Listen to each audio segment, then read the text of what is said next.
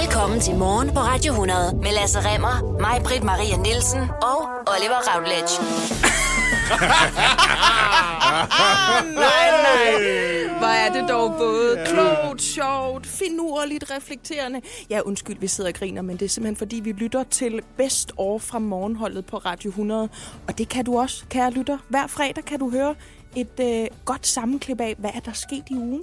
Det var mest det, jeg grinede af. Og så en lille smule af, hvordan jeg ser ud i nøgen. Det er også sjovt. Det er altså en potpourri af det bedste, vi har lavet igennem øh, den forgangne uge. Det er de gode blade, der er blæst af Radio 100's træ, som vi nu har faret hen i en samlet kompostbunke til dig, kære lytter. Kan du lige ord for tre forskellige mennesker? Kan Ja. du lige stuvning? Kan du lige ragu? Du får det hele lige nu. Hør det. Over 6 milliarder kroner. Det kommer til at tage 6 år fra i år og frem til 2025, og det kommer kun til at gøre tingene værre. Er det... Øh... Har det noget med Femern-forbindelsen at gøre? Du er stadig tæt på. Du sagde Lynetteholm før, nu siger du ja. Femern-forbindelsen. Det ligger på en måde lige midt imellem, vil jeg sige. Nå. Det er den letbane, der skal følge Ring 3 i Storkøbenhavn. Nå, Københavns Letbane. Yes. Oh my Det god. siger sig selv, at mens man anlægger den, så kommer det til at påvirke trafikken. Ikke mindst omkring Ring 3, hvor man ellers lige for et par år siden blev færdig med at udvide med et ekstra spor. Så der var før da også nogle år, hvor de af os, der engang imellem skulle forbi Ring 3, kom til at køre væsentligt langsommere på grund af vejarbejde. Ja. Der var vejarbejde i årvis. Man er lige blevet færdig. Men nu skal vi da i gang igen. Men ved du hvad, det, du skal jo tænke på, efter 2025, så bliver det hele bare meget bedre, Lasse. Letbanen kommer til at løbe fra Ishøj til Lundtofte, og det kommer ikke til at blive meget bedre efter Det bliver 2025. meget bedre, Lasse. Hvordan kommer den slags ting for det første op at stå? Hvordan kan man bruge 6 milliarder kroner på at anlægge en letbane uden helt at have gennemskuddet?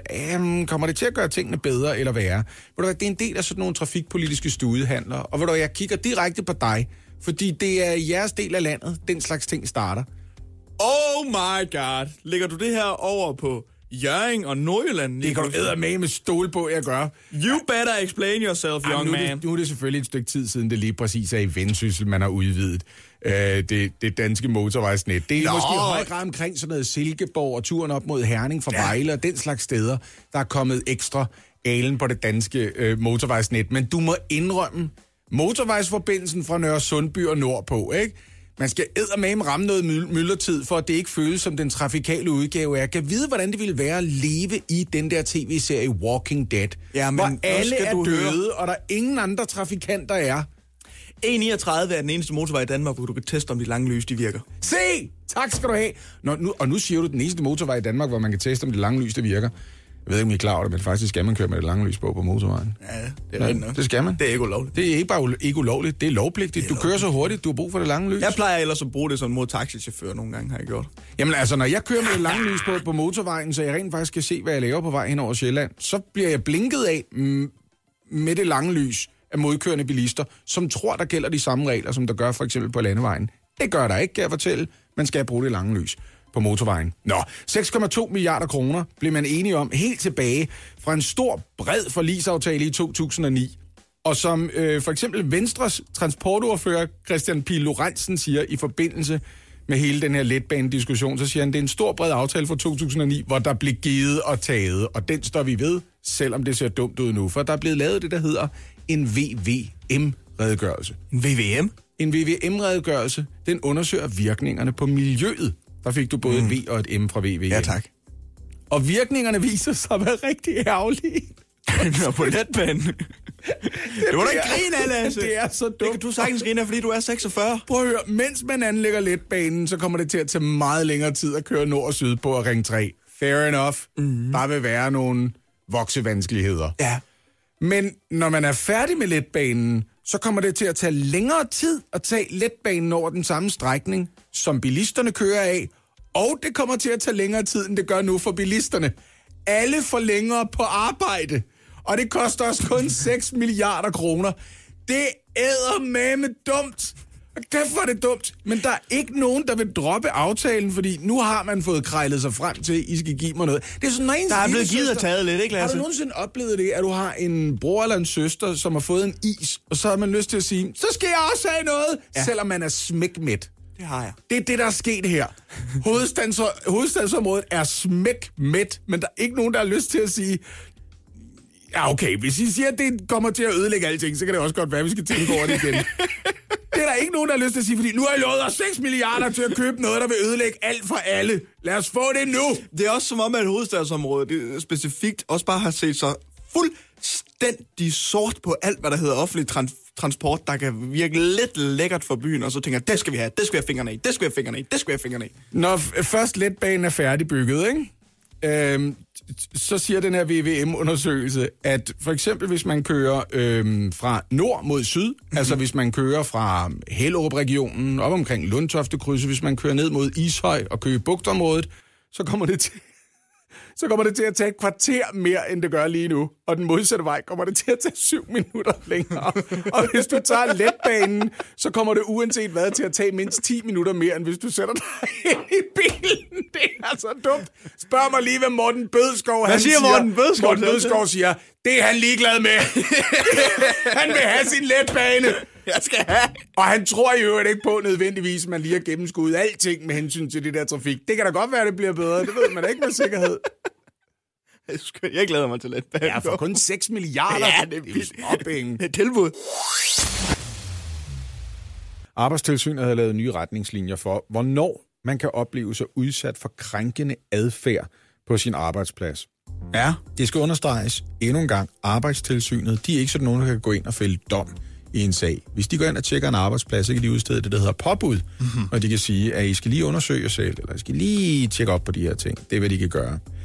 Men det er som om, der er sket et skred i definitionen på, at man er blevet udsat for krænkende adfærd. For det viser sig, at Arbejdstilsynet i deres nye betænkning her, øhm, de mener, at en krænkende handling, det kan være alt fra ubehagelige drillerier til nedvurdering, for eksempel på grund af alder, køn, kønsidentitet, seksuel orientering, etnicitet eller religiøs overbevisning. Og i den gamle vejledning om mobning, der fremgår det, at der skal tages udgangspunkt i personens opfattelse af de handlinger, som vedkommende udsættes for. I den nye, der understreges, det er uden betydning, om handlingerne er udtrykt, øh, er udtryk for ubetænksomhed eller decideret ønske om at krænke. Det, der er afgørende, det er den, der oplever krænkelsen. At det er en person, som føler sig krænket. Det Og er hvis personen meget sig- 2019, det her. Det er det eddermame. Hvis, hvis personen føler sig krænket, som der står, det er personens oplevelse af de krænkende handlinger, der er centralt. Føler du dig krænket, så er du krænket. Der er ikke noget at gøre der. Der er simpelthen ikke noget at rafle om. Skal vi bare lige starte med at sige, det er super ubehageligt at blive udsat for voksenmobning af sine kollegaer. Det er der slet ikke nogen tvivl Det er der om. ingen tvivl om. Jeg synes øh, personligt, at det er ubehageligt at blive nedvurderet på grund af ens alder. Det vil jeg bare lige understrege. Synes du, jeg gør det? Ja, det er ikke noget, du forstår som en ung knø som dig. Det må du under undskylde, Lasse. Hvad er det, du er? 47? 46? Jeg prøvede at være ironisk der ved at nedvurdere dig på grund af din alder. Det, øh, jeg, tror, jeg ved ikke om alder lige præcis er den ting, men man har ikke lyst til at blive kaldt en gammel nisse, eller, eller en, som er ligegyldig, fordi, hey, du er nærmest bare pattebarn. Ja. Det er der ikke nogen, der har lyst til. Nej. Det kan jeg godt forstå. Måske kønsidentitet, seksuel orientering, etnicitet, måske også religiøs overbevisning. Der er det lidt mere irriterende at, at blive pirket til af sine kollegaer, ikke? Men her hvad jeg tænker, og jeg er heldigvis viser det sig ikke ene om det. Jeg tænker, hvis Arbejdstilsynet arbejder med den her nye definition på, hvornår man er blevet udsat for krænkelser, nemlig hvis du føler, at du er blevet krænket, så er du blevet krænket, og så er det egentlig lige meget, om der er nogen, der har haft til hensigt at gøre det. Uh-huh. Det er let at lægge et våbenskab på hver eneste arbejdsplads og sige, du går bare herover og tager en køle, Ja, og du rigtigt. kan svinge den omkring dig, og det vil ikke have nogen konsekvenser for dig, men hvis du rammer nogen, så er det nok fortjent. Ja. Så er det fordi, at han har gjort noget forkert. Fordi i praksis, så vil jeg kunne... Lad være med at kigge på mig på den der måde, Kasper. Kan du se, hvad jeg mener, Kasper? Ja, jeg kan godt se det. Se, det der, det var noget mærkeligt noget. Du sidder og smiler og skæver over til mig. Og alt, hvad jeg behøver at sige, det er, det bryder mig faktisk ikke om. Og så er vi faktisk så langt nu, at andre vil være nødt til at tage mig alvorligt. Du, Kasper, for... og du kigger stadigvæk på mig. Ja. Det synes jeg... Jeg kigger på Oliver nu. Jeg tror faktisk, jeg kommer til at ringe til arbejdstilsynet om et øjeblik. Jeg tænker bare, at der er nogle arbejdspladser, hvor det bliver svært at omgås hinanden. Vi har for eksempel en ret løsluppet tone, ikke? Altså, Jo, jo, det synes jeg, vi har. Jeg kan da godt blive lidt bekymret for, om, øh, om I føler, at jeg går over grænsen nogle gange på den måde, jeg tiltaler jer på. uh-huh. Det gør du helt sikkert, men jeg kan godt lide det. Din gamle spiller. Og ved du, hvorfor jeg godt kan lide, at man går over grænsen? Fordi der er billige sodavand på den anden side. Ja, det er rigtigt. Det er det fede. det. Wow! Ah, Kasper, du, 46! Kasper, du er jo kommet til som praktikant for forholdsvis nylig, ikke? Hvad har du været? Fem uger eller sådan noget? Ja, tror faktisk, det er min fjerde uge, det her. Det er din fjerde uge. Ja. du går i gang med. Jamen, så er du jo kommet til... Og nu, nu skal jeg jo pakke det ind i det her. Jeg var her i forvejen, mm. og så ved jeg godt, så kan det godt være, at man censurerer, hvad man svarer. Hvad er sådan din oplevelse af, hvordan vi snakker sammen på Radio 100? Jamen, jeg synes, det er en, det er en løsluppen tone, som du siger. Ja. Øh, men jeg synes, det er fint. Øh, det eneste tidspunkt, jeg blev krænket på, det var, da du sagde, at jeg var fra Skive. Det vil jeg gerne, øh, det vil jeg gerne øh, sige undskyld for, men på den anden side har du også selv noget ansvar at tage i betragtning, du er fra Skive. og det er faktisk det, jeg synes er problemet. Ned og finde en kølle, Kasper. Jeg ved godt, han er fra IKAST. Hold nu op. Hvem, hvem bliver krænket over at blive kaldt øh, skivenser? Skivebo? Skiviganer? Sk- Jeg ved ikke, hvad det hedder. Jeg ved ikke engang, hvad det hedder. Skivianer? Skivianer, ja. Ikke, øh, Hvem vil blive krænket over det? Det der er en dejlig by. De har to kirker, og de ligger lige ved siden af hinanden. Gør det det? Vidste du det? Der er to kirker. Du kan gå direkte fra øh, Nadver, det ene sted over det andet sted. Så har du en lille smule BMLM på. Så har du fået en... Du har lige fået et shot Jesu blod i den ene kirke. Så går du over i den anden kirke for et shot Jesu blod lige bagefter. Men. Kasper kommer ikke fra Skive. Han kommer fra opkast. ah, det er krænkende. Åh, oh, wow, oh. Og jeg er krænket på Kaspers vegne. Hvordan virker man sådan lidt ung med de unge? Det gør man ved at hænge ud med de unge, ikke? Så kan det være, at man ligner en af de unge. Det er i hvert fald, hvad jeg tænker. Det er i hvert fald en mulighed. Jeg sætter lige kappen på skrå, og så hænger jeg ud med dem, der er lige i 20'erne. Og Du hænger ud med de unge nu, kan man sige. Det gør jeg på mange måder, og jeg tror, hvis folk kommer ind i uh, det her lokale, så vil de tænke, hvad er det for tre, nogen af 20-årige, der sidder her og, og Ja, jammer? hvis, hvis du stadig sad med ryggen til, ja. Øh, Sådan set ligegyldigt hvilken vinkel, fordi man kommer bare til at virke ung i ung selskab. Det er rigtigt. Ja. Jeg tror ikke, man kan se det på mig faktisk, hvis jeg bare sidder sammen med jer. Hvis jeg tog en hættetrøje på, så tror jeg faktisk slet ikke, man ville kunne se forskel på dig og mig. Det tror jeg heller ikke. Du havde hættetrøje på den anden dag, du så meget ung ud. Er det ikke rigtigt? Jo, det er rigtigt. Ja, jeg følte mig ung på rigtig mange måder. Mm, det var det også. Jeg ved ikke, om det er den pressestrategi, der ligger bag en række videoer, som, som Socialdemokraterne har lavet, øh, sammen med en 19-årig influencer, og jeg har lært det på dansk, hedder influent. Jeg er jo Nå, jeg siger også så bare influencer. kæreste, jeg er jo kæreste med en blogger, skal vi huske på. Så, Oh ja. så jeg, jeg hænger ud med de unge, også på en daglig basis. Det er det, jeg prøver at sige, ikke? øhm, og den her øh, influencer, influent, jeg ved ikke, om vi taler dansk eller engelsk her, øh, hedder Anna Briand. Jeg har lyst til at sige, at hun hedder Briand, for jeg kommer ikke til at kalde hende Briand D. Nej, Briand. Ja. Er Briand. Øhm, og det lyder nogenlunde sådan her i for eksempel en af videoerne, ikke? muligheder. Muligheder. Hvad tænker du? Så jeg tænker en væsentlig ting, som at der er sindssygt mange muligheder i dag med alting jo. Altså med YouTube er der mange muligheder, med politik er der selvfølgelig også mange muligheder, men også med sådan en ting som uddannelse. Mm. Der er jo sygt mange unge mennesker, der har svært ved at vælge en uddannelse, fordi der er så mange forskellige ting, du kan vælge. Og måske er der også et element af, når der er mange muligheder, hvis man så, hvis man så ikke lykkes, Ja. så er det måske også blevet lidt for meget ens egen skyld, fordi alle folk siger, jamen, du har jo alle muligheder. Det er sjovt, jeg tænker jo også på noget helt andet. Jeg ja, tænker også på lige muligheder. Ja, det er nemlig det, du gør. Det er derfor, du er spørger. fordi jeg er socialdemokrat, ikke? Ja. Altså, Du er socialdemokrat, ja. At for mig er det bare rigtig op. vigtigt, at alle har lige mulighed. Det er super vigtigt. Jeg har fået det her ord med fra hovedkvarteret. De vil gerne have, at vi snakker om muligheder. Hvad tænker du? Jeg tænker, der er så mange muligheder. Ja, men er det ikke også nogle gange et problem, at der er?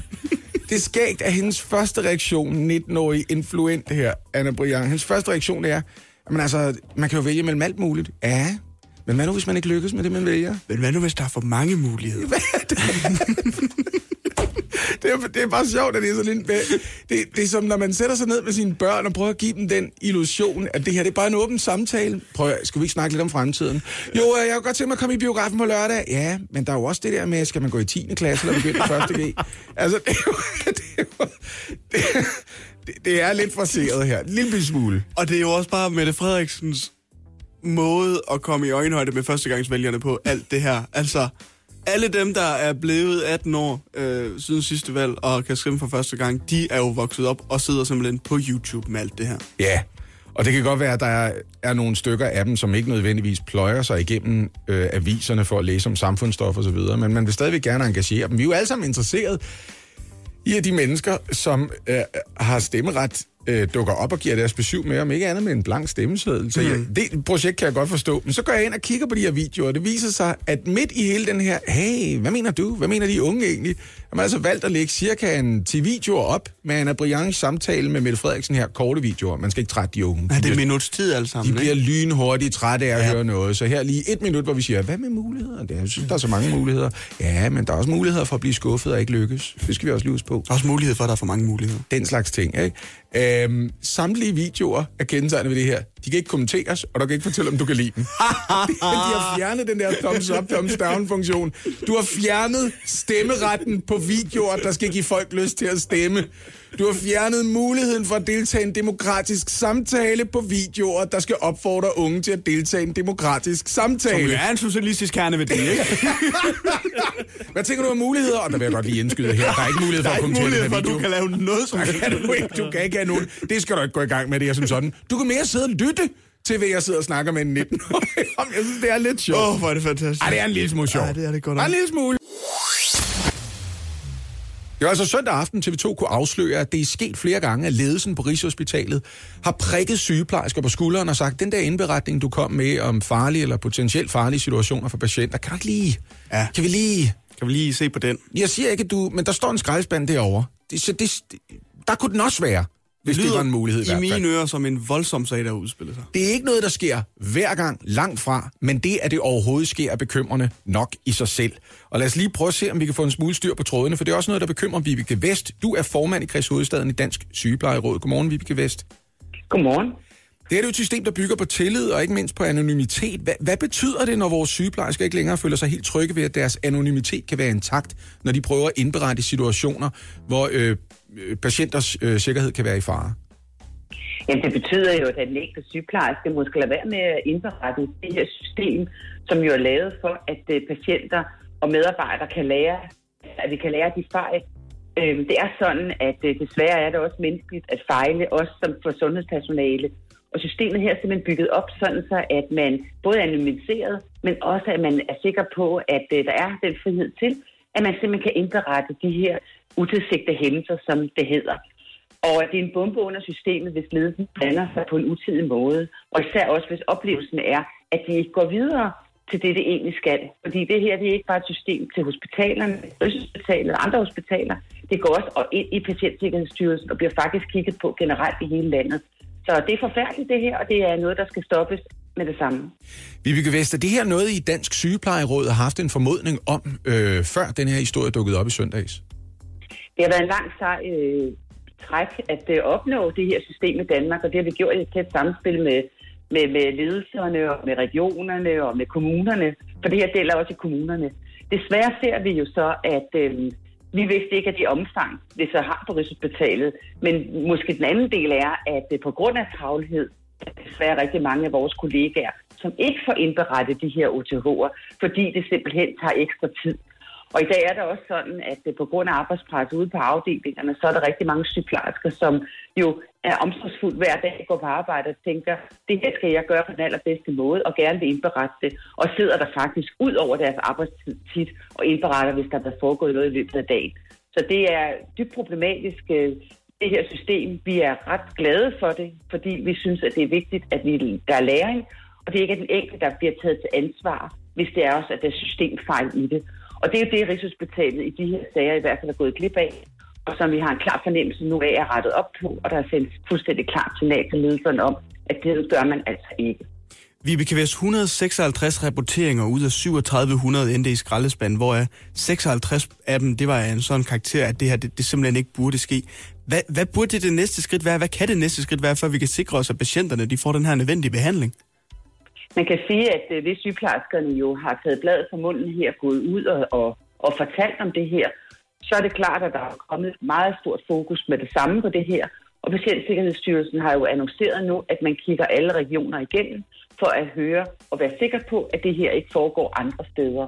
Og vi gør konkret det, at vi øh, på fredag øh, så har, skal have et møde med Rigshospitalets direktion, med henblik på selvfølgelig at rigtig tråd ud, hvad det er, det handler om på Rigshospitalet for sygeplejersker, og endvidere vil der gå en melding afsted til regionsdirektøren med henblik på også at få en drøftelse med hele regionen. For vi vil og vi skal have, at det her system det virker.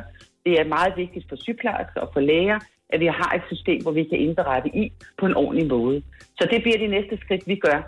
Så tusind tak til vores kollegaer, som tog bladet fra munden. Tak til dem, og det bliver forhåbentlig nemmere for dem at tage bladet fra munden fremover, når, når ledelsen øh, tager den her indberetningsaftale øh, ekstra seriøst øh, fremover, fordi så har man jo det i ryggen, kan man sige, og sige, der skal vi ikke ind igen i hvert fald.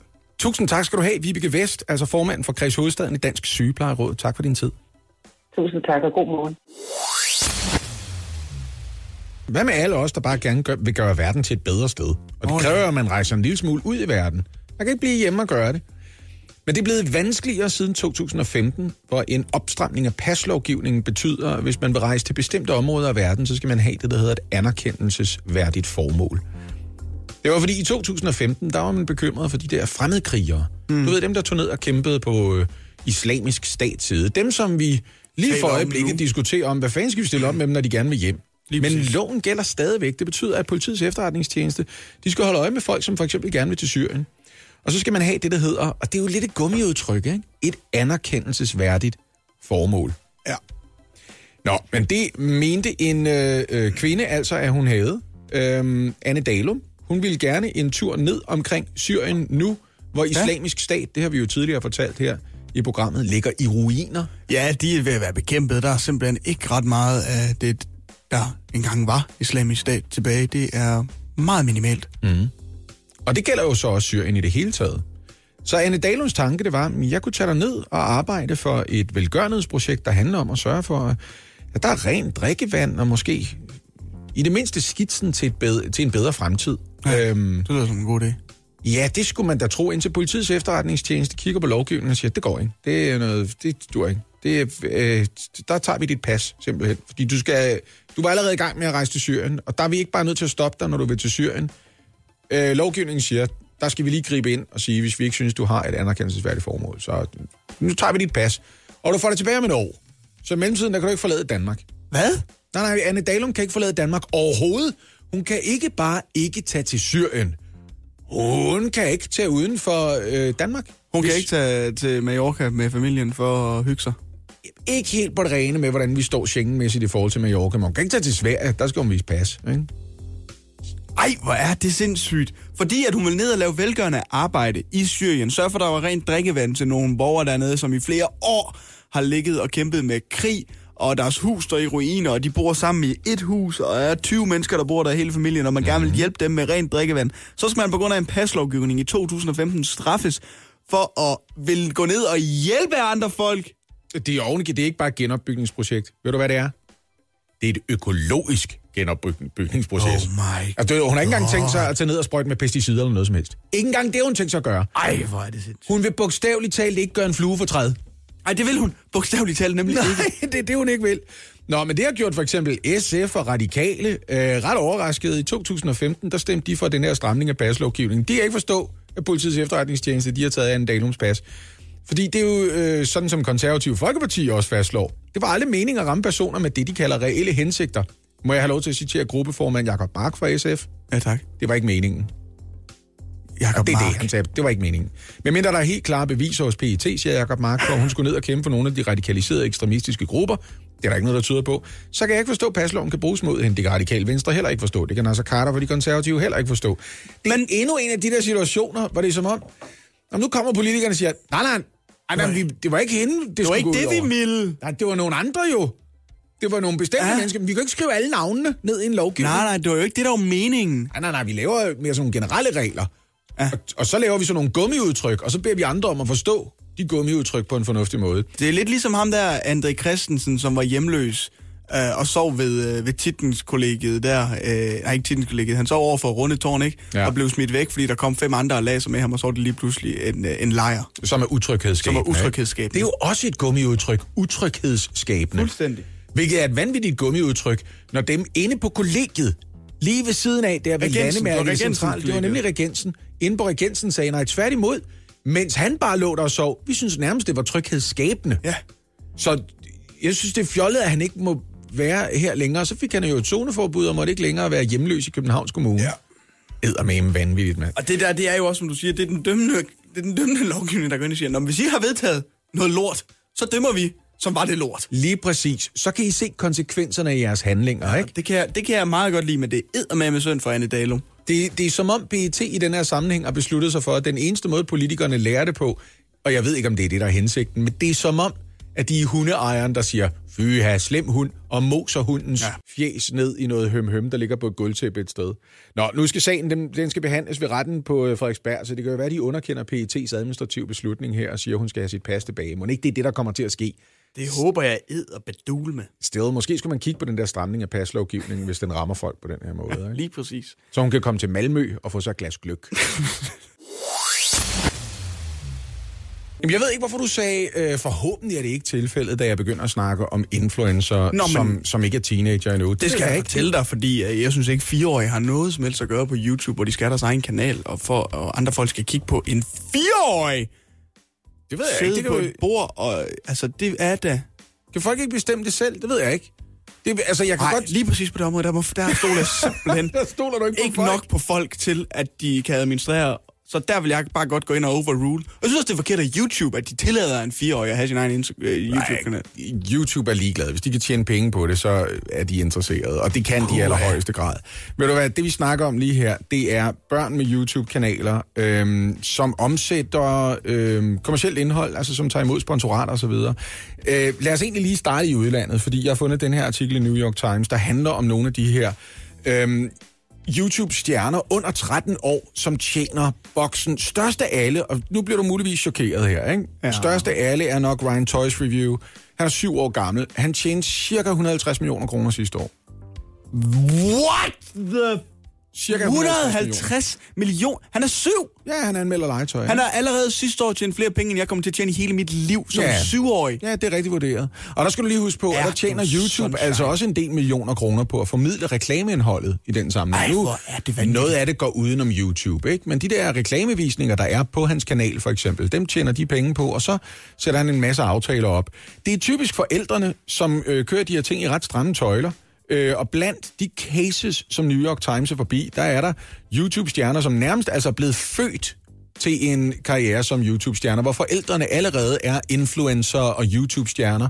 Og så bliver mor gravid, og så følger man graviditeten på deres kanal, barnet bliver født, og så starter din YouTube-kanal for barnet. Og det er jo ikke, fordi det ikke er noget, vi kender herhjemme. Altså, så vidt jeg husker, du ved, Masha Bangs datter øh, har jo for eksempel sin egen meget populære Instagram-konto. Øh, Uffe Holm, øh, god ven af mig, to unger, kæmpe stjerner på Instagram for eksempel. det jo men de er forældrenes opgave at administrere det. Instagram, de har ikke deres egen Instagram. Ja, ikke det er nok hun- bare, det er vel også Hun bare et har en Instagram, der hedder? Molly Champ, og så går hun ind og siger noget sjovt. Altså, det er jo... Jamen, jeg kan godt se, hvad du mener, men det vil jo stadigvæk være sådan, at så står der bare i biografien, mor og far styrer den her konto. Så du skal altså ikke prøve at sende mig private pædofile beskeder eller sådan noget, fordi du er direkte til politiet, hvis det er den slags, du laver. Ikke? Øhm, men det er jo mest fordi, der er reklamebyråer, som har gennemskuddet. Det her det er en måde at snige sig ind under reklameradaren på, for du kan ikke bare sappe væk fra vores reklameblok. Indholdet her er det menneske, du godt kan lide, som så sjovt nok lige får flettet nogle ting ind i sit daglige liv og noget snak om, hvorfor det her, det her hvad jeg godt kan lide ved det her. Det her, det er super nice. Jeg kan godt lide at tage på krydstogt, og det gør jeg med Carnival Cruise Lines. De har sponsoreret helt næste uge. Det bliver her sjovt tirsdag. Jeg bungee jumper op på dækket. Hvis du man kan det på Carnival Cruise Lines. Og så for hvert eneste opslag, så kan selv børn på 4, 5, 6 år via deres forældre høste et eller andet sted mellem 50 og 100.000 kroner per opslag, uden de helt store problemer. Og for de største stjerners vedkommende endnu flere penge, ikke? Hvad fanden er det, der sker i den her verden? Hvorfor er du så sur over det? Jeg forstår det synes, det er vanvittigt, at man som syvårig først og fremmest skal tjene 150 millioner dollars. Det- er det ikke mest det, du er sur Og over? derudover, nej, jeg er sur over, at ens forældre vælger at føde et barn, og derefter tænker, ved du hvad du skal være? Du skal ikke have selv nogen indflydelse på det, fordi du er kun fire, du aner ikke en skid omkring det her. Du aner ikke, hvad du vil med dit liv. Men vi synes, at du, dig, du skal være influencer. Vi laver en YouTube-kanal til dig. Sæt dig lige heroppe på bordet, skat, så filmer vi dig. Sig noget sjovt. Kom, kom, kom, kom, kom. Det er sjovt, at du siger det på den måde, fordi typisk, hvis børnene er helt små, så har de ikke rigtig en klar bevidsthed om, hvad det er for en maskine, de er inde i. Og det er måske egentlig meget sundt. Adam og Latoya Ali for eksempel har en datter, Samia, som er fire år gammel. Hun har 143.000 følgere på Instagram, 203.000 følgere på YouTube. Fire år gammel, som hun er. Og mor, Latoya Ali, siger, øh, "Nå, men Samia, hun ved ikke rigtig... Øh, Nej, hun ved aner ikke, hvad der foregår. Nej, nej, hun har ikke så meget styr på det der med likes og sådan noget. Og er det i virkeligheden ikke meget sundt, Oliver? Er der ikke et barn, der sidder og vurderer... Øh, Jo, men det har da hendes mor til gengæld. Hun er da fuldstændig styr på det med likes. øj, men så er der da en pæn børneopsparing. Og hvad sker der med pengene? Får Latia dem, eller går de direkte i mutters lille lomme, så hun kan købe noget fedt udstyr, som Latia kan øh, filme en ny video med? Oliver, da du flyttede oh. fra Jørgen til København, kunne du så ikke have været super nice, hvis dine forældre lige pludselig sagde, kan du huske dengang, øh, vi lavede de der skægge, skægge hjemmevideoer, dengang du var fem år gammel? Her er en pose penge på 8 millioner kroner. Gå ud og køb dig en lækker lejlighed. Det har været meget rart, Nej, Oliver. nej. nej. Du er så meget imod det, at du har besluttet dig for, at det er lige meget, hvad jeg siger lige nu, kan jeg godt Det mærke. kunne være super nederen, synes jeg. Ej, jeg synes godt nok, det er øh, sindssygt, at folk på 4 og 7 år skal være influencers. Altså, det synes jeg er meget vanvittigt. Jeg kan komme dig en lille smule i møde, ikke? Jeg kan godt se det her med det. Man træffer nogle ret afgørende beslutninger for sine børn ved at skubbe dem ud ja. i, i rampelyset og sige, øh, nu vil alle kigge på dig og vurdere dig. Nogen vil måske også synes, du er en idiot, allerede før du selv har taget stilling til konsekvenserne af det her. Men der er for det første det ved det, at du kan stadigvæk nå at kravle ind i skyggerne igen, før du bliver voksen, hvis du ikke bryder dig om det i det hele taget, eller dine forældre kommer på bedre tanker. Og så er der den her anden ting ved det, i øvrigt også. Forældre træffer hele tiden vanvittigt store beslutninger for deres børn, og nogle af dem sikkert også væsentligt voldsommere. Der er, der er forældre, der udsætter deres børn for passiv rygning. Jo, jo, jo, jo. Der er forældre, der ikke vaccinerer deres børn Ja, og tak. så videre. Men vi har også bare det, som vi har sagt 120 gange på det her morgenprogram indtil videre, og noget, som vi ikke selv har fundet på. Men hvad er det med internettet? Det, glemmer aldrig. aldrig Ja, det nogensinde. Så Det det vil sige, glemmer når hun som 24-årig har er træt af, at hun som 4-årig er blevet udstillet på YouTube af sine forældre, så er det ikke noget, hun kan gøre. Fordi det ligger derinde. Det kan du ikke fjerne. Så siger jeg bare lige tre ord. Lucas Graham. Grunk. Hvad? Hvad? Hvad? Ja. Skakmat. Skak, Matt. Tak. Touché. Nå, Lasse, nu skal vi altså snakke om det her, fordi der er nogle danskere, som vælger at spare penge, når de vil have foretaget de her plastikoperationer. Det er som regel billigere i et land uden for Danmark, og dermed så kan man jo forhåbentlig få samme behandling, men til færre penge, ikke? Mm, men det er jo svært at gennemskue, hvis der ikke er sådan en lokal trustpilot i det land, man rejser til, eller man ikke kan finde rundt på internettet og finde ud af, hvad er det egentlig for en kvalitet, jeg betaler for behandlingsmæssigt. Ja, lige præcis, fordi hvad er det så, der sker, hvis de her operationer, de ikke går som ventet? Et silikonbryst måske er som sagt to størrelser større på det ene bryst end på det andet bryst. Jamen det skal vi så naturligvis rettes op på, og det sker her hjemme i Danmark for vores penge, simpelthen. Det er os, der betaler for det. Og det er det offentlige sundhedsvæsen, der går ind og siger, det kan du da heller ikke øh, rende og trækkes med i. Og en af de mænd, som altså retter op på disse operationer, det er dig, Jens Jørgen Elberg. Du er formand for Dansk Selskab for Kosmetisk Plastikkirurgi. Godmorgen til dig. Ja, godmorgen. Jens Jørgen Elberg, hvad er det, der går galt ved nogle af de her operationer i udlandet? Altså, hvad er det typisk, du ser, når du skal rette op på nogle af de her operationer? Nu vil jeg sige, at, at, at, at nu har jeg jo min, øh, min egen øh, forretning, og det betyder i virkeligheden, så retter jeg ikke så meget længere op på den slags, men jeg har gjort det gennem mange år som overlæge på, på Rigshospitalet. Og det vi typisk ser, det er inden for det kosmetiske område, så er det jo brystforstørrelser, øh, men også alle mulige former for hudreduktioner, typisk sådan korrektioner, korrektioner af løs hud på arme og ben og den slags brystløft, brystreduktioner. Øh, så det, det er sådan noget, vi ser. Og hvad er det, der går galt? Jamen, det er nok øh, det, vi ser mest øh, inden for det offentlige, det er jo akutte infektioner. Fordi problemet ved at rejse udenlands, det er, at man er meget langt væk, når problemerne opstår. Man rejser jo typisk hjem måske dagen efter eller to dage efter. Men infektioner, de opstår efter en uge, efter 10 dage, efter 14 dage.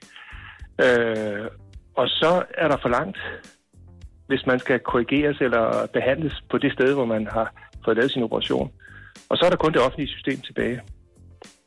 Hvor meget, altså Jens Jørgen Elberg, hvor mange penge kan man spare ved at tage de her øh, ture til udlandet? Fordi der må være noget i det, som ligesom lokker danskerne til at, at tage til Østen, for eksempel, og få lavet nogle af de her operationer, frem for at blive hjemme i Danmark, hvor jeg går ud fra, at der er en anden sikkerhed for, at operationen er mere vellykket.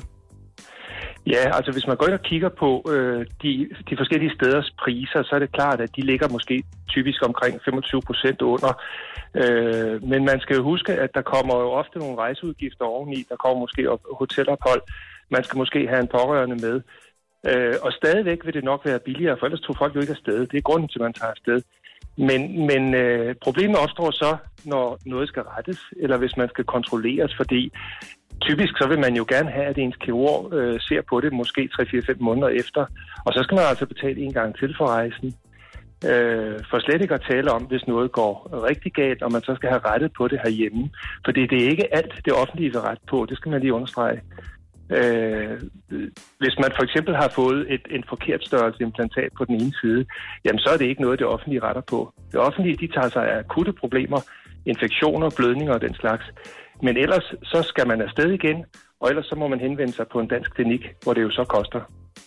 Der kan man måske have en oplevelse som potentiel patient af, at det er lidt hip som hap, hvis man alligevel ikke kan finde rundt i en jungle og gennemskue, hvor får jeg en behandling, som øhm, lægen og klinikken kan stå inden for. Så medmindre man har nogle anbefalinger, øh, der er omfattende nok i sit lokale netværk. Hvad fanden stiller man så op, uanset om man er kunde i Danmark eller rejser udenlands? Hvordan sikrer man så en høj kvalitet? Altså, der er nogle helt grundlæggende ting. Det er klart, at, at øh, hjemmesider, de er jo typisk skrevet af, af den forretning, der sælger varen. Øh, og dem skal man være lidt forsigtig med. Der er jo forskellige øh, Trustpilot, for eksempel MyLux og den slags, som går ind og kigger på kvalitet, også og hvor kunderne går ind og, og, og rater de forskellige steder. Men der er nogle helt grundlæggende ting, man skal være klar over, og det er jo sådan noget som for eksempel den danske øh, patientforsikring, som dækker i tilfælde af, at noget går galt på et dansk privathospital. Øh, den eksisterer ikke i udlandet, så det kan man altså starte med at sige, den har jeg ikke. Mm. Og det vil sige, går det rigtig galt, ender man på et, et intensivafsnit på et hospital i Litauen eller Polen, jamen så kan man komme hjem med mange hundredtusind kroner, og der er ikke nogen, der dækker. Jens Jørgen Elberg, hvad er det typisk? Er, der- er der nogle lande, hvor I typisk kan se, jamen i det her land, der er det måske lidt oftere, at der sker fejl end andre lande? Og det vi ser, det er jo, det er de samme steder, folk tager til, og det er Litauen, det er Polen, det er Tyrkiet, det er Thailand, Libanon øh, især. Og øh, da vi ikke ved, vi har jo ingen viden om, hvor mange der tager afsted til, til de forskellige steder, så er det meget svært at sige, at, øh, at der er nogen, der, har, der giver flere problemer end andre. Øh, jeg tror, der er rigtig mange, der tager til Litauen. Det er mit indtryk, for vi ser utrolig mange komplikationer fra Litauen. Det kan være dyrt sparet penge med andre ord. Det kan være, især kan det, ja, jeg vil næsten sige, det er ikke pengene, der er det største problem. Det største problem, det er jo et eller andet begreb, der hedder menneskelig lidelse. Mm. Fordi det er en kæmpe frustration at være opereret øh, flere tusind kilometer væk, ligge herhjemme, øh, se sit bryst blive mere og mere rødt og spændt, og se pusset begynde at drive ud. Hvad gør jeg? Hvordan vil de behandle mig der, hvor jeg kommer hen? Øh, hvad ender det her med? Skal jeg tilbage igen? Hvor meget kommer det til at koste mig i den sidste ende? Øh, jeg synes ikke kun det er penge. Jeg synes altså også, det er, er, er på en eller anden måde... Øh, det er ikke at have sin kirurg i nærheden, der er et problem. Jens Jørgen Elberg, formand for Dansk Selskab for Kosmetisk Plastikkirurgi. Tusind tak for din tid den her morgen. Jamen, velbekomme.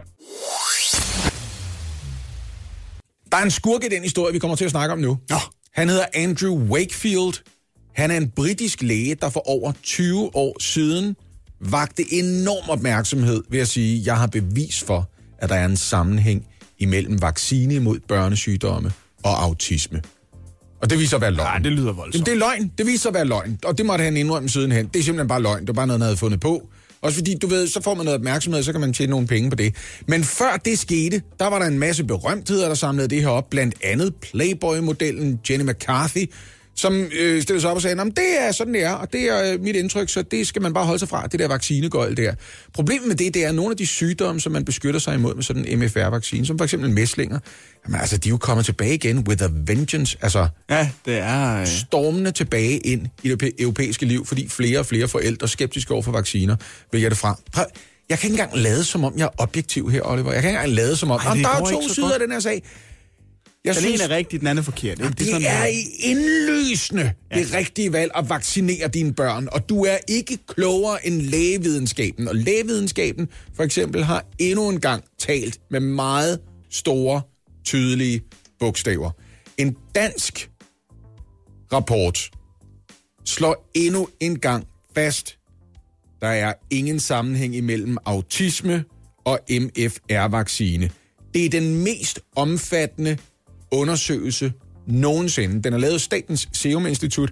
Og bare lige for at sætte en fed streg under, så har vi fået lejlighed til at tale med manden, der har stået i spidsen for det her stykke forskning. Han hedder Anders Ved, og han er med os på en telefon lige nu. Godmorgen, Anders Ved. Uh, godmorgen, Lasse. Det er altså cirka 650.000 børn, I har fulgt over en periode på 10 år, og I er kommet frem til den konklusion, som andre forskere tidligere med et mindre datamateriale også er kommet frem til. Der er ingen sammenhæng mellem MFR-vaccine og autismediagnoser. Hvor endegyldigt ja. kan man sige det på baggrund af det datasæt, I har indsamlet? Altså, som du, som du nævnte, så har, vi, uh, så har vi brugt de danske uh, registre til at undersøge den her sammenhæng, hvor vi har haft mulighed for at, at se på 650.000 børn. Det, altså, det er helt enestående på verdensplan, at man overhovedet kan lave et studie af den her størrelse. Og øh, jeg vil sige, videnskabeligt, der er det her meget, meget stærk evidens for, at der ikke er nogen sammenhæng mellem MFR-vaccine og autisme. I en meningsmåling sidste år, der var der altså som sagt næsten hver sjette dansker, der var enten enig eller delvis enig i den påstand, at der godt kunne være en sammenhæng imellem MFR-vaccine, altså mod de børnesygdomme, som ellers plagede befolkningen op til og med vel 70'erne, og, og en autisme-diagnose. Og jeg har allerede set de første par eksempler på sociale medier på folk, som siger, ja, det kan jeg bare ikke få til at stemme overens med nogle YouTube-videoer, jeg har set, og nogle artikler, jeg har læst det her, så jeg tror, jeg holder på mit. Altså, hvilken betydning har det for folkesundheden, at der er så stedet en modstand i en lille del af befolkningen i Danmark øh, imod MFR-vacciner? Jamen, vi, vi ser nok nogle af resultaterne øh, i, i de her måneder, hvor at øh, vi hører en masse historier om mæslingudbrud i udviklede lande som øh, USA og i Europa. Og vi har selv haft en, nogle importerede tilfælde her i Danmark. Øh, og det, det kan man helt klart øh, kæde til, til generelt øh, vaccinemodstand. Da jeg var barn, der var øh, teorien, at hvis der var øh, mæslingudbrud, for eksempel i nabolaget, så trak man sine børn derover, og så blev de smittet, kom igennem sygdomsperioden, og så er man jo immuniseret af sygdommen bagefter. Kan man ikke bare gøre det stadigvæk, hvis man er utryg ved vacciner? Nej, altså det, det, det, jeg synes ikke, det giver, giver etisk mening at, at, at udsætte sine egne børn for en, uh, en, en faktisk farlig sygdom. En farlig smitsom sygdom. Og, og der er vel også noget med flokimmunitet, øh, man skal tage hensyn til. Vil du kort prøve at forklare mig, der ikke har nogen medicinsk uddannelse, øh, hvad det er, det gør for flokmentaliteten, at der er en høj vaccinationsprocent øh, procent i en generation? Det, det, det gør simpelthen, at, at virus ikke kan cirkulere. Når du når over en vis grænse, så, så selvom alle ikke er vaccineret, så kan, så kan virus ikke øh, cirkulere i befolkningen. Og, og det er jo med til ligesom indirekte at beskytte dem, som for eksempel ikke kan tåle vaccinen af forskellige årsager. Og, og det er altså noget, man risikerer at sætte over styr, hvis en tilstrækkelig stor procentdel af en generation ikke bliver øh, vaccineret? Ja, helt klart. Anders Hvid, tusind tak for din tid. Det var så let. Og have en fortsat god dag. Jo, tak. Skal jeg lige spille vores reklame igen, Lasse? Eller lydsiden til vores reklame? Ja, bare lige så man kan blive mindet om, hvordan lød det i de der par uger, den dukkede op her og der i tv. Morgen på Radio 100. Godmorgen. Hør lige. Det her, det skal I vide. Det kender ordføreren godt. Hvordan kan du vide, du kvinde? Det er os. Ja, Ikke? ja, det er. Så har vi Ja, nogen. men nej, nu siger du, det er os. Det er jo ikke, det er jo ikke os lige nu. Nej, nej, nej, nej. Du har ikke hørt mig sige, det er godt at vide, hvis du er skilt. Nej, det har du det aldrig hørt mig sige om morgenen. vel? Men så har vi nogle radiokollegaer. Så, men, men det er meningen, det skal lyde som os. Det er rigtigt. Det er meningen, det skal lyde som os, ja. Det er vores ansigter, det er vores stemmer. Det er os, der sidder der. Som sender øh, en time om dagen på øh, en public service kanal, der mm-hmm. hedder Radio 24 Siger du, de har plagieret os? Er det det, der er på vej? De er det det, der er på vej nu? De har i hvert fald hørt vores reklame, øhm, og de er vilde med den. Lad os bare sige det. Og derfor har de, lavet, har de lavet deres egen reklame. Og jeg synes, den ligger så meget tæt på vores. Med dig! Andreas astronaut er lige landet op. Sidste nyt om Charlotte Birgårds røvhulshul. Hvor kommer meteoritten i grunden fra? Prinsen er død. Prinsen er død! Sygdom er helt udryddet. Jeg har lige fundet en Jeg har guldklub. lige fundet en Jeg har guldklub. direkte linje til Donald Trump. Jeg svarer lige om lidt. Lige efter gymnasiet. Nu kommer finansloven ind ad døren. Hvad vil du med resten af dit liv? Hvordan kan det nå? Nu kommer finansloven ind ad døren. Lige nu, den korte radio. Ej, jeg kan det ikke. Åh oh, nej, nu kommer finansloven ind ad døren. Åh, oh, Det er øh, stjernejournalisten Kirsten Birgit Tjøtskrets Hørsholm. Ej, jeg er ked øh, af det, men det gør ondt i maven af to årsager. For det første grin, for det andet, fordi det er rigtigt. Det er jo rigtigt, det der.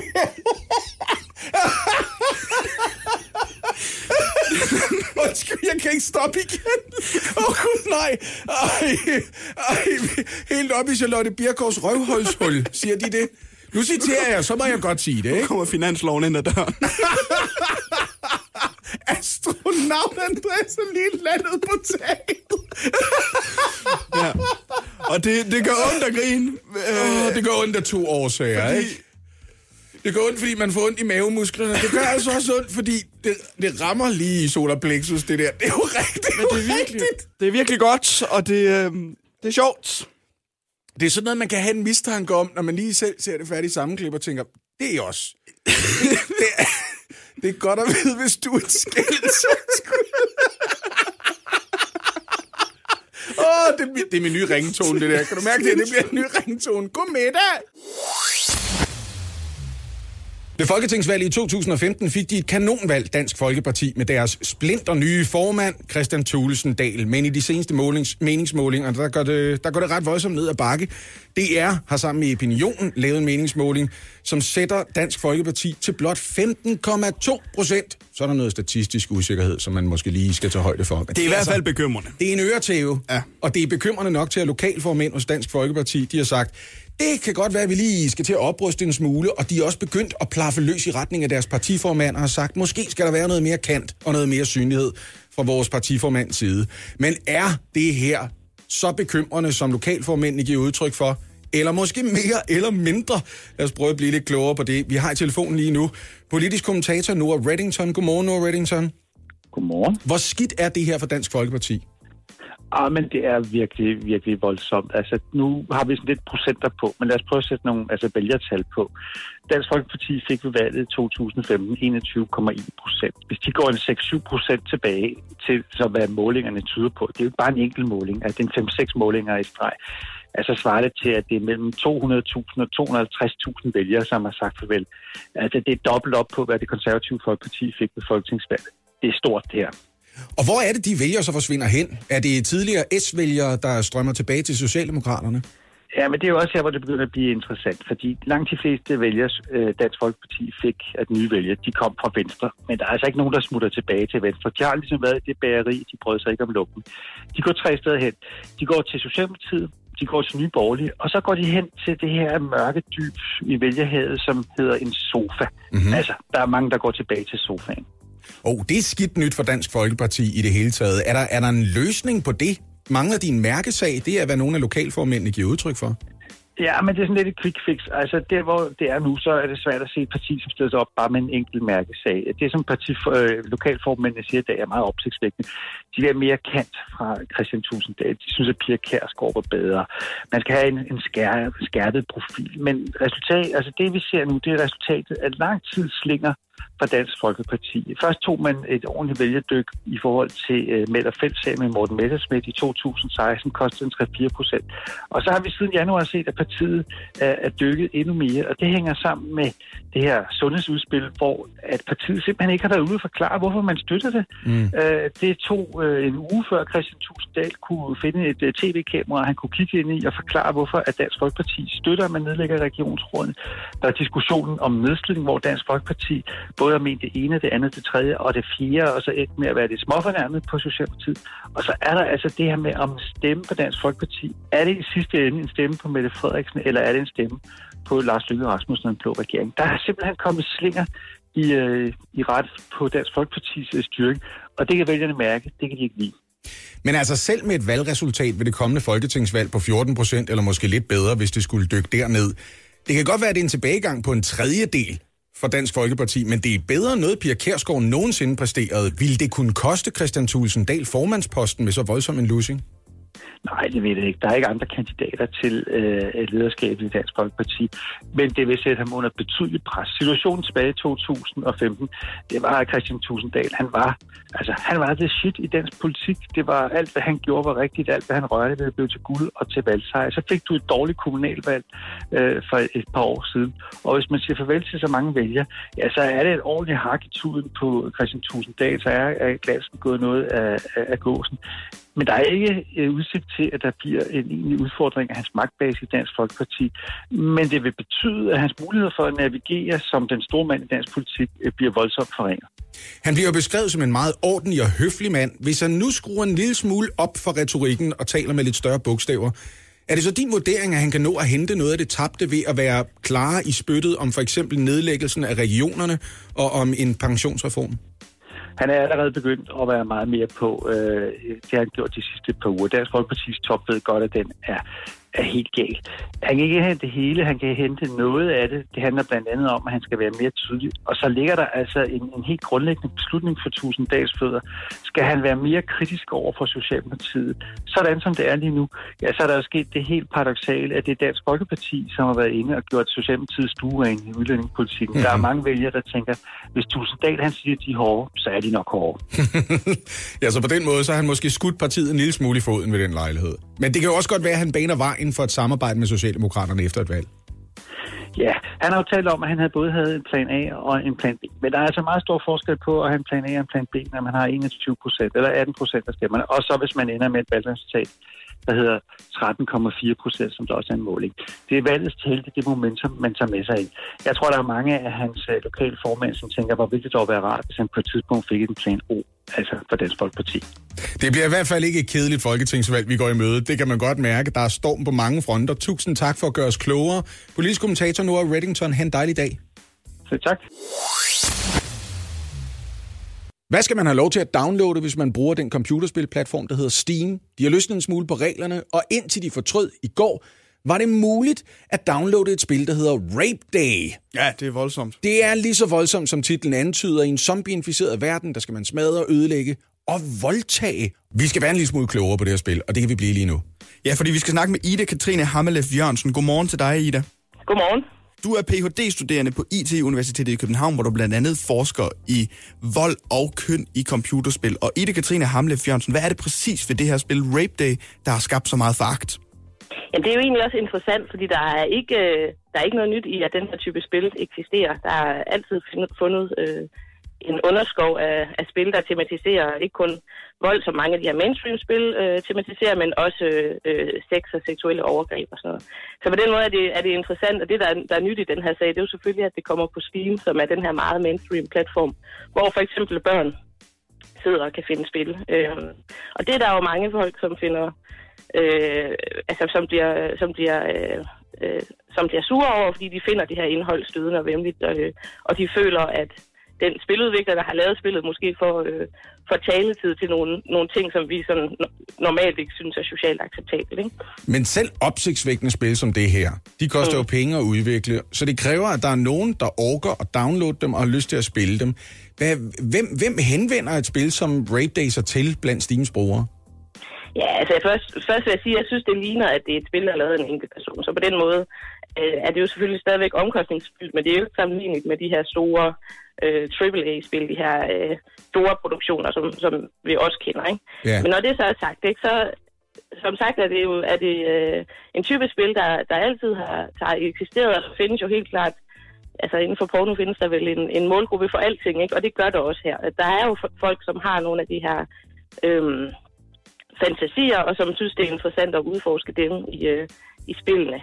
Øh, typisk i den her type spil er spilmekanikken, den er meget simpel og måske direkte kedelig, så det er typisk ikke det, man kommer for. Man kommer der på grund af, af tematikkerne.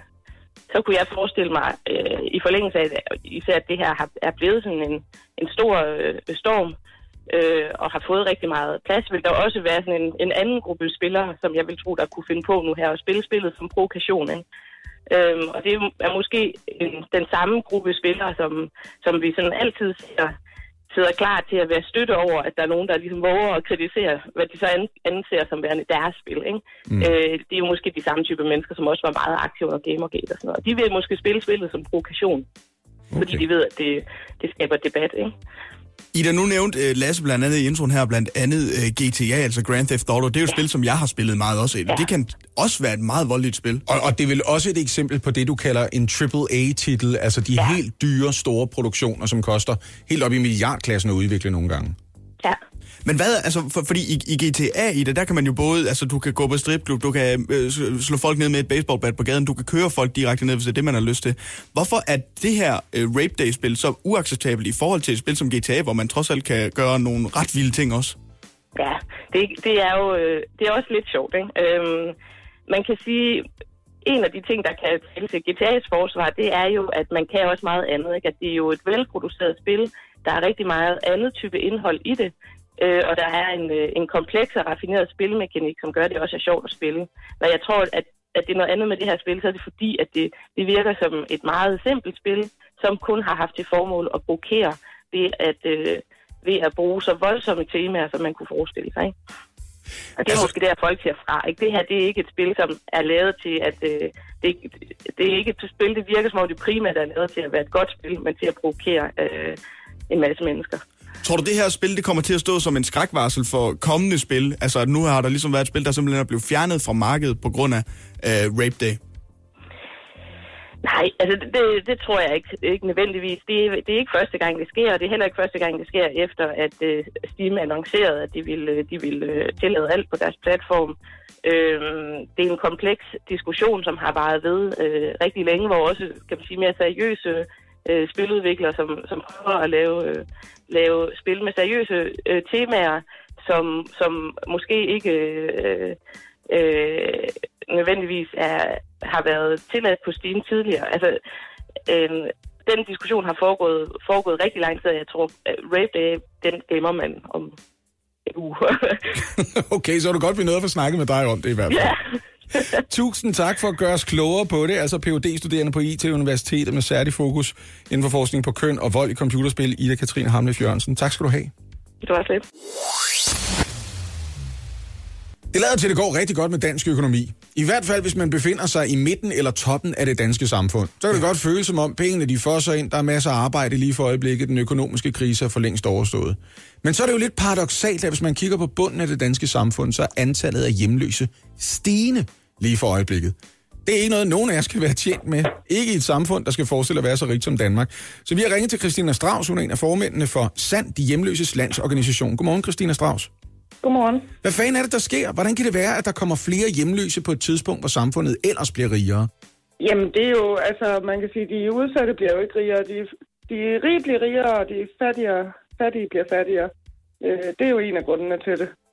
Øhm, og så har vi simpelthen ingen billige boliger. Vi har ingen boliger, som, som de hjemløse kan bo i.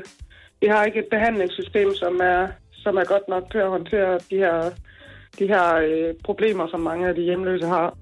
Blandt andet i forhold til, til problematisk stofbrug og, og psykiske sygdomme og sådan nogle ting. Så hvis boliger det er tog, så kører det simpelthen så stærkt nu, og hvis man ikke allerede er med, så har man ikke en chance for at hoppe på og komme tilbage ind i varmen, så at sige.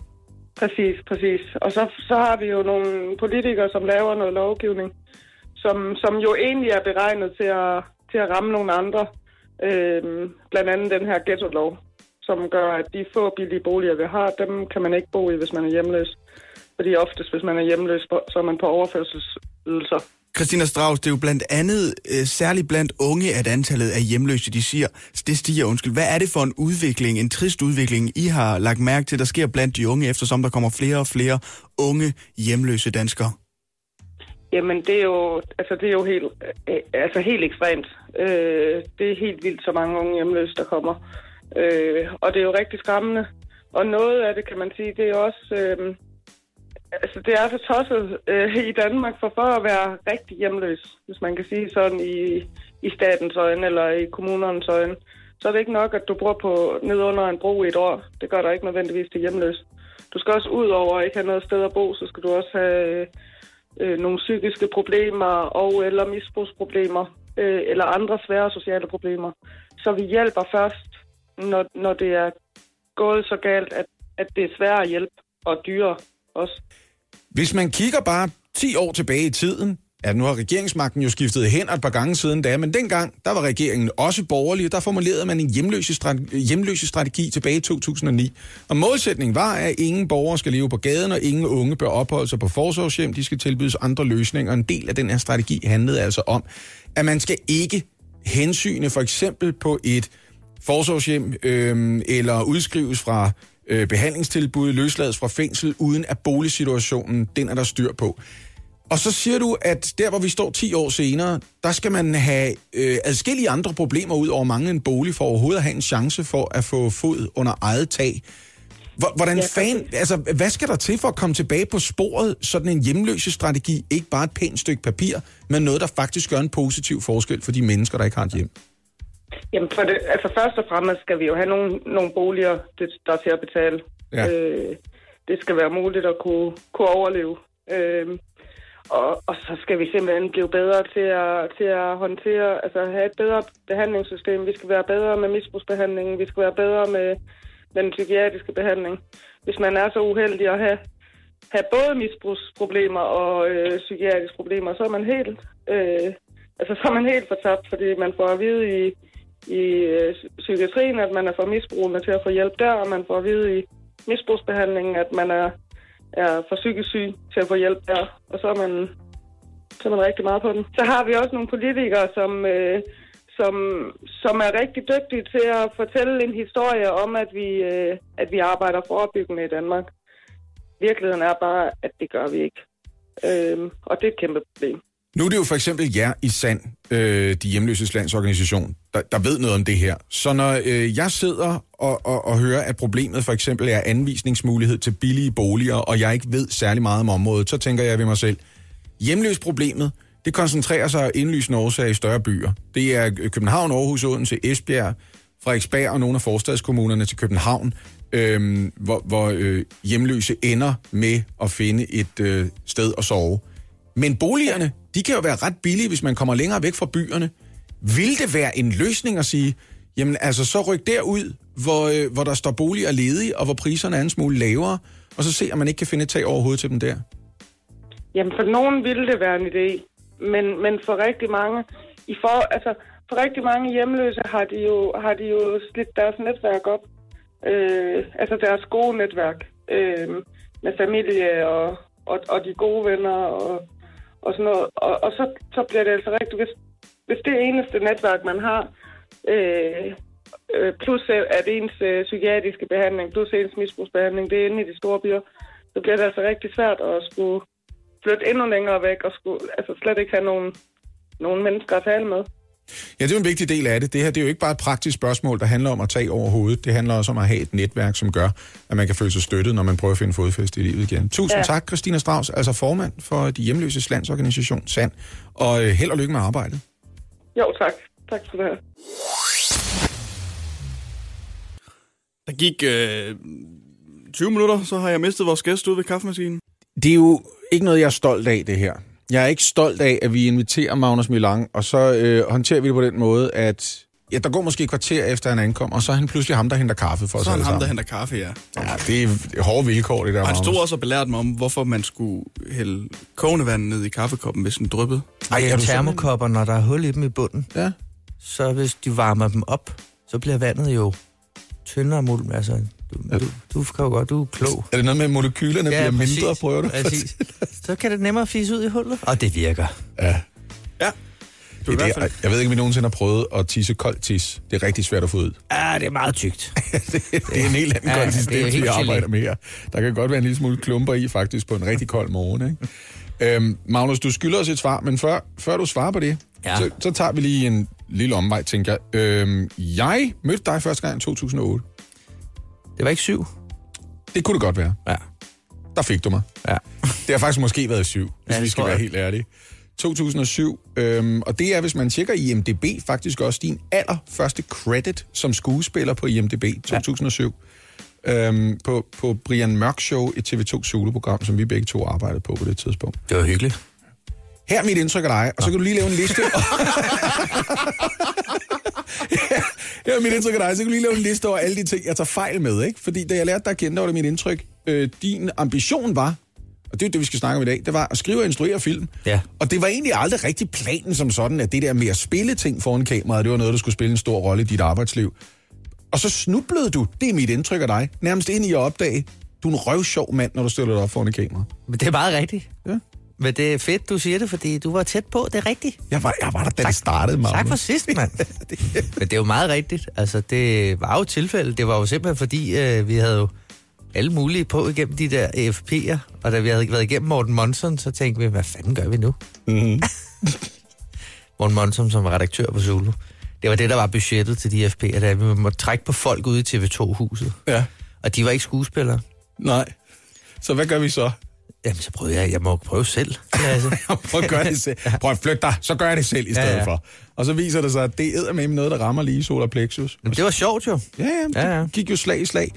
Øhm, blev du så genkendt på gaden, efter øh, Brian Mørk sammen med Simon Jul lavede Mørk og Jul, og, og I rammer Basher Henrik? Ja. Ja. Selvom jeg har øh, hætte på af en eller anden årsag. Basher Henrik, nu siger jeg det bare lige til dig, der er 23 derovre, Oliver. Men jeg kan Og godt der- huske Basse. Kan du huske Jeg Basher kan godt huske Basse. Jeg kunne ikke huske, da du sagde navnet Basse Henrik, så var jeg i tvivl, men da jeg så klip derfra, så var jeg ikke i tvivl. Basher Henrik var en fyr med nogle meget stærke synspunkter. Ja. ja. Omkring alle ting. Og nogle kontroversielle måder at prøve at forandre verden på. kun ikke? én i virkeligheden. Det var meget noget med at gemme sig. Det var meget noget med at knippe. Ja, det var noget med at gemme sig, jumpe nogen, og så knippe dem, så de går fat, hvor nederen mennesker de var. Ja. Ja. Så det var, det var ligesom der, du for alvor opdager, at ikke bare er det ret sjovt at lave tingene foran kameraet. Men jeg har også en dybde i det, jeg laver. Det... men kom nu. Jeg prøver bare lige at spole helt Ja, ja. tilbage og travle øh, sweateren op sammen med dig, ja. for at finde ud af, hvordan fan starter du med at være en ung fyr med ambitioner om at skrive og instruere film og tv-serier, og ender med lige pludselig at dukke op i store Thomas Winterberg-film, og nu selv som instruktør, manuskriptforfatter og skuespiller sammen med din bror, og stå for din spillefilmsdebut 10 år senere. Ja. Det, det, og hvis du kan gøre det på 30 sekunder, kunne det være Gerne fedt. meget kort, ja. Ja, ja, ja, okay, okay. Nej, men du sagde det jo selv. Det var jo det, jeg gik efter hele tiden. Det var ja. jo at instruere film. Så man kan sige, hak ud for den nu. Ja. Øh, og så ved jeg ikke, hvorfor jeg også skulle lave russisk ubådsdrama med Colin Firth. Jamen, den kommer først lige om lidt. Ikke? Kursk, kan man se. Om, øh... Ej, den har været der. Hvorfor, har jeg ikke set... Hvorfor Nej. fik jeg ikke set Kursk? Jamen altså... Spoiler alert, den kommer jo ikke op. Nej, nej. Ubåden. Nej, du ved, hvad den ender med. Det er fordi, jeg er gammel nok til at huske, da Kursk rent faktisk... Altså, jeg Det kan er jeg huske, også. Jeg kan huske Kurs, Kursk, ikke? Mm. Nå, undskyld hele den her omvej her for at komme frem til det spørgsmål, jeg egentlig stillede dig. Og du må også undskylde, jeg ikke kan huske, hvad arbejdstitlen var på Selventer, for jeg synes bare, du hashtaggede en masse opslag med mere tandsmør. Men Siger jeg vil sige, du svarer næsten på spørgsmålet. Ikke? Ja. Du kan ikke rigtig huske, hvad det var, den egentlig men det var noget med tandsmør. Det er aldrig et godt tegn. Nej, det så tænker man, skal den hedde det, eller hvad? Det er ja, som at- jeg skal ind og se det der mere med smør. Det er som at lave et stort ubådsdrama, og så opdage, at Lasse Remmer for eksempel ikke har opdaget det. Det er, du kunne se det, det. det, det er samme følelse. Det er med med skidt, Lasse. Det er lidt den ting. Så den kom til at hedde Selvhenter i stedet for, at den er baseret på din og din brors, løst baseret på din og din brors. Ja, Egen erfaring. man kan sige, øh, vi havde jo, øh, når du sidder, du ved det, når du sidder og skrevet noget, så skal du gemme det i Word, og så får det en titel.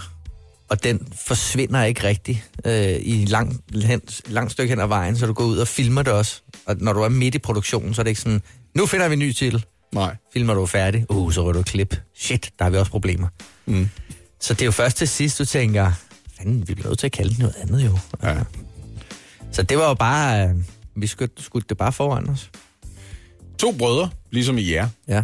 altså dig og Emil, øh, tager øh, helt ned i den sydlige ende af Europa for at håndtere situationen efter far er død. Ja. Og det er jo øh, altså løst et spejlbillede af en oplevelse, jeg har haft privat. Men det er, ja. Det er blevet til en komedie ja. i filmudgaven. Så vil, øh, vil du fortælle mig, øh, hvordan ender noget, som kan være en barsk personlig oplevelse med at blive en komediefilm for jer to? Jamen altså, jeg vil, jeg vil, jo, jeg vil jo lave komedie. Det er det, jeg er gået efter hele tiden. Øh, og Emil og jeg, vi havde lavet sådan nogle små øh, klimaprogrammer, blandt andet på nettet, og øh, nogle andre dommedagsprogrammer, hvor den her brødredynamik opstod, som jeg synes var virkelig morsom. Og der var meget mere kød på det, og der er noget med søskende forhold, der ikke rigtig ændrer sig, selvom man bliver ældre. Og det er selvom, hvis Emil var blevet Novozymes direktør, og jeg var på overførselsindkomst, jamen så kunne jeg jo stadigvæk være storebror, når vi så mødtes. Det synes altså, jeg, der var noget sjovt i. trumlende bravado-fyr, der aldrig indrømmer, at han ikke rigtig har styr på, hvad han laver. Ja, præcis. Men bare er vant til, at lillebror, han gør, som der bliver sagt. Ja. Ja. Og det, det havde jeg lyst til at lave en spillefilm om. Og øh, der var det ret nærliggende at stille spørgsmålet, hvorfor er karaktererne sådan her? Øh, og så er det jo også noget at gøre med, at man skal jo skrive noget, man ved noget om. Mm. Og der var ikke på et tidspunkt, at jeg ikke synes, at det var sjovt, at de skulle hente deres far, der var død af druk. det må jeg sige. Mm-hmm. Øh, det er tragisk komisk. Ja. Og det er det, jeg allerbedst kan lide, det er, når den har en, noget smerte i sig. Står der også noget på spil for alvor, ikke? Jo, jo, det er det. Vi har stadig besøg Magnus Mille Lang. Og Magnus, i filmen Selvhenter, ja. som du har skrevet og instrueret, mm. Der er din bror jo også med, øh, Emil Lang. Ja. Og han spiller en karakter, som på mange måder kan virke lidt irriterende.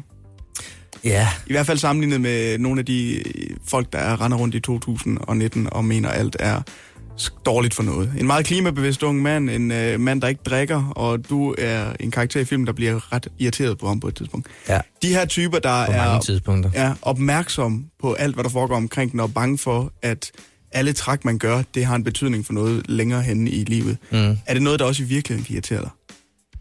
Nej, altså, jo, man kan sige, når, komedie er jo sådan en, øh, et, et sted, hvor man kan komme ud med, med noget damp, ikke? For ja. noget, der irriterer en. og alle de her ting, der ligesom er... Den film handler om manderoller i virkeligheden. Mm. Øh, så alle er jo irriterende i filmen. Ja. Altså, det er jo... Fordi mænd er irriterende. Mænd er jo irriterende. altså, og det er jo også, øh, man kan sige, Magnus' kvindesyn er jo også helt fucked jo. Ja, det altså, i filmen. Ja. Øh, og han har det jo dårligt. Og Emil, han er jo så øh, symbolet på den moderne mand, ja. sådan taget lidt lang, længere ud, ikke? Og øh, Magnus er jo en race, der er ved at uddø. Altså, han er en dinosaur. Og så har vi jo så ham manden, der lige er død af det, ikke? Og det er jo meget det, vi har skrevet på. Det er den præmis. Det er jo mandetyper. Og for at Magnus skal overleve, så bliver han jo nødt til at blive 50% mere Emil. Mm. Og Emil bliver nødt til lige at drikke lidt ka- normal kaffe en gang. imellem. Og, og ikke nød, nødvendigvis lige tjekke, hvor bæredygtigt det er blevet produceret og så videre, hvor Max Havelaar-mærket det er. Nej, altså det er jo også ligesom, det var jo lidt det, der også lå i den gamle titel. Det er jo livet med tandsmør. Altså bare en gang imellem må man jo godt lige festryge måske. Bare en gang imellem, og det er jo også en, en sætning, der bliver sagt i filmen. Ja. Da du lige pludselig får et gennembrud med noget, som er et, et tema i filmen til at starte med, hvorfor du egentlig tager afsted ned til Spanien sammen med din bror. Men Ja. ja. der skal man nok se filmen for at være, være helt med på, uden at spoil for meget med det i hvert fald. Ja, men det er jo helt klart, at øh, Emil er måske lige der, hvor sundt er blevet usundt. Ikke? Ja. Er det, øh, er det de to brødre, eller er det en generationsting? Er det, er, er det altså min det er jo en halvgamle røvhulsgeneration, der er sådan lidt, lidt for tankeløs, og så nogen, der er lidt for bekymrede og, og tænksomme og bange for, at jorden går under lige om et øjeblik? Ja, altså, Der- der, der- er jeg anskuer egentlig ikke den nye generation for at være meget bange som sådan. Nej. Men, men jeg ser nu mere en sådan tendens til at, at tænke over miljøet. Ja. Det synes jeg er jo kun er godt. Ja. Øh, så er sundhed jo også noget, vi tænker mere over. Og nogle gange snakker de ting jo også sammen. Mm. Men det er klart, når du tager det ud i, at du simpelthen ikke tør at drikke en kaffe med mælk, Mm. altså, så kan det godt være, at det ikke er så smart længere. Under andre omstændigheder, så altså ekstremerne er jo sjove, ikke? Præcis. Ikke, det er sjovt at være ekstremt omhyggelig i, i sin omsorg for verden. Ja. Og det er også sjovt at være fyren, der ikke kan se det, og render rundt med skyklapperne på og synes, det er lige meget. Det er jo sjovere. Man kan sige, det er jo ikke, det er jo ikke fordi, vi vil en moral med, med det som sådan. Øh, Jeg skal jo heller ikke kunne sige, altså hvis man ikke vil drikke komælk, så skal man, skal man jo ikke gøre det jo. Mm-hmm. Men øh, det er i hvert fald en samfundstendens, som vi snakker om i film og behandler.